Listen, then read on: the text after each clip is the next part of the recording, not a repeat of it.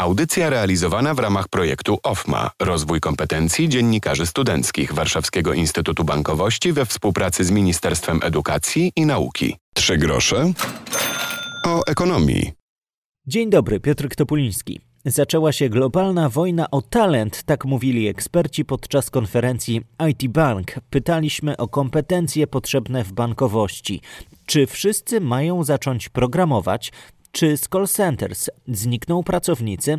Spróbujemy te wątki dzisiaj w audycji rozjaśnić. Podczas jednego z paneli była dyskusja o tym, jaką rolę mają uczelnie, co się zmienia w bankach i o tym wszystkim w najbliższych minutach. Bankowość musi być nowoczesnym sektorem, tym bardziej, że banki tradycyjne różnią się nieco od fintechów, zaznaczała Karolina Mitraszewska, członek zarządu Nestbank SA.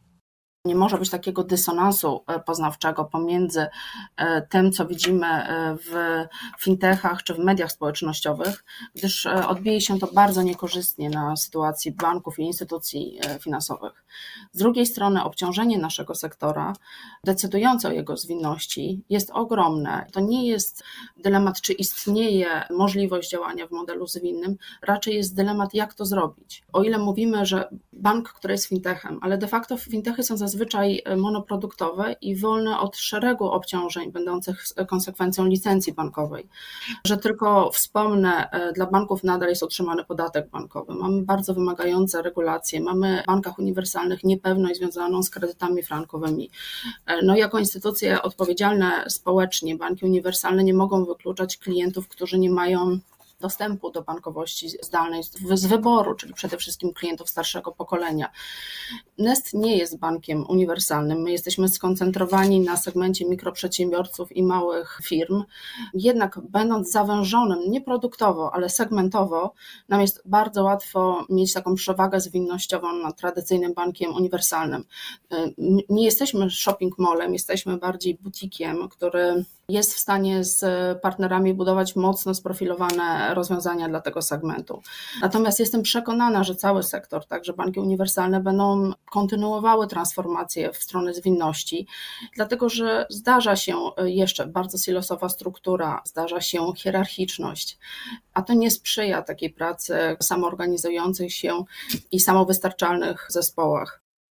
Zaczęła się globalna wojna o talent, przyznaje Marek Lenz, dyrektor Centrum IT z banku PKO SA. Poszukujemy we wszystkich obszarach. Zarówno poszukujemy takich typowych programistów Java oraz UX od frontendów. Poszukujemy ludzi od, od chmury, od cloudu. Ci, jak wiemy, są teraz najbardziej poszukiwani.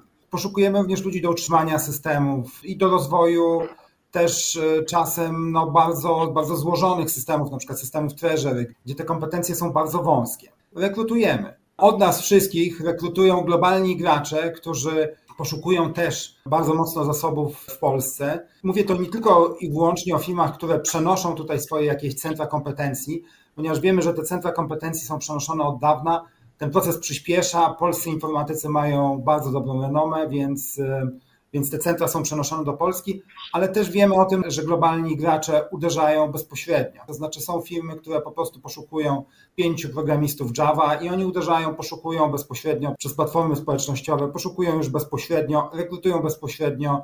Ci ludzie nie muszą e, jeździć do Stanów, ci ludzie są zatrudnieni bezpośrednio, więc jesteśmy w globalnej wojnie o talent i jest to spore wyzwanie dla nas. W audycji dzisiaj kompetencje potrzebne w pracy w bankowości będzie o młodych ludziach, o osobach, które rozwijają swoje umiejętności już teraz. Było chwilę o tym, że już w tym momencie banki potrzebują pracowników. Zazwyczaj są to osoby, które potrafią albo chcą uczyć się programowania. Chcemy skupić się na kompetencjach przyszłości już teraz, podkreślał Sławomir Soszyński, wiceprezes zarządu ING Banku Śląskiego.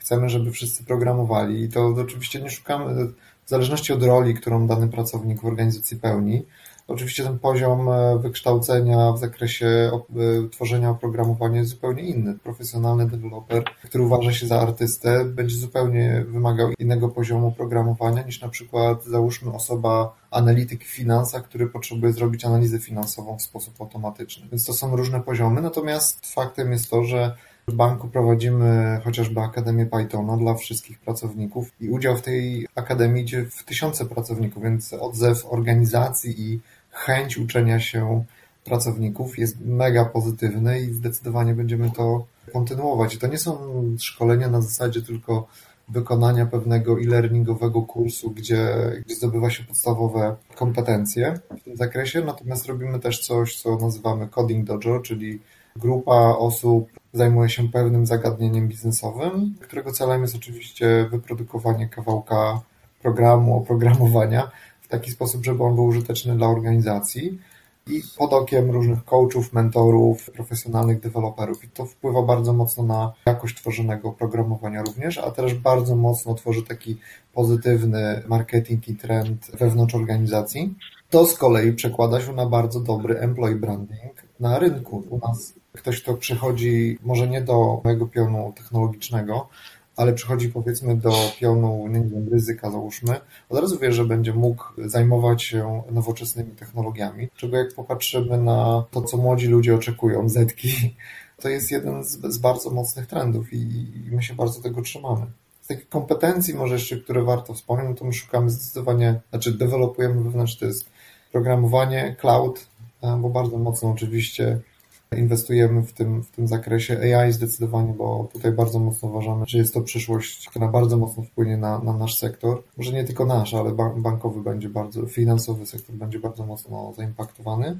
I jeszcze y, takie myślenie typu design thinking, procesowe bardziej, ale w takim ujęciu praktycznym, agile'owym, to to jest coś, na czym bardzo mocno skupiamy naszą uwagę na ten moment. Zarządzanie talentami czy wojna o talenty? To pytanie stawiali organizatorzy wydarzenia. Jak zaznaczała Joanna Erdman, która jest wiceprezesem zarządu Fundacji Polska Bezgotówkowa, współpraca w sektorze finansowym ma znaczenie i przykładem takim widocznym jest choćby polski standard płatności, czyli BLIK. A co jeszcze już w niedalekiej przyszłości? Można połączyć siły i również w takich wirtualnych laboratoriach próbować testować pewne technologie, jak biometria na przykład i, i reakcje klientów na te technologie, e, czy AI, e, o którym też już tutaj sporo było. E, mówi się o tym, że klienci na artificial intelligence jednak dosyć sceptycznie jeszcze mm, reagują. E, chociaż z drugiej strony ja bardzo wierzę w tą technologię, dlatego że ona po prostu e, likwiduje e, takie bardzo proste czynności, których talenty wchodzące na rynek nie chcą dzisiaj wykonywać. Chociażby, chociażby właśnie praca operatora call center, która jest bardzo ciężką pracą dla młodego człowieka, który musi się zmagać z tymi emocjami klienta po drugiej stronie słuchawki.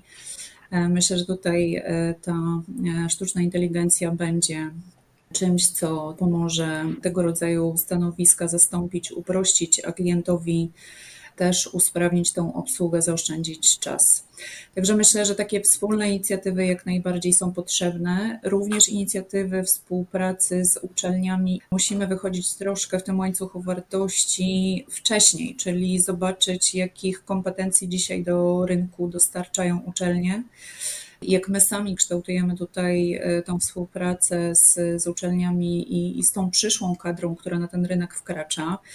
E, myślę, że wiele osób, które studiują dzisiaj na kierunkach e, no nietypowo technicznych, nie matematycznych, nie myśli jeszcze o tym, że technologia ich dotyczy, znaczy technologia w życiu, w życiu zawodowym, bo w życiu prywatnym siłą rzeczy z niej korzystają. A dzisiaj mamy do czynienia z taką sytuacją, że e, w zasadzie wszystkich nas technologia dotyczy, nie można powiedzieć, że jest inaczej. I nawet na tych kierunkach, tak jak tutaj padło, e, że warto biznes e, przyzwyczajać do tego, że również będzie kodował w, w prosty sposób pewne algorytmy, zabezpieczyć tego rodzaju scenariusze już na etapie współpracy z uczelniami, rozszerzania programów czy takich kursów, które i praktyk studenckich, które przygotowują do wejścia w to prawdziwe życie zawodowe. O współpracy z uczelniami jeszcze będziemy rozmawiali, tym bardziej, że za nami choćby konferencja Lumen, w której rozmawialiśmy o zarządzaniu uczelniami. Będziemy też mówić o studiach MBA już niedługo w audycji MBA, tak światowo powinienem powiedzieć, o studiach Master of Business Administration. Ale to w przyszłości, a teraz zachęcam do śledzenia podcastu Trzy grosze o ekonomii. Tak nazywa się audycja, której właśnie słuchaliśmy Polecam obserwować podcast, bo tam nasze poprzednie spotkania i tam kolejne nasze audycje. Piotr Topuliński, do usłyszenia. Audycja realizowana w ramach projektu OFMA Rozwój kompetencji dziennikarzy studenckich Warszawskiego Instytutu Bankowości we współpracy z Ministerstwem Edukacji i Nauki.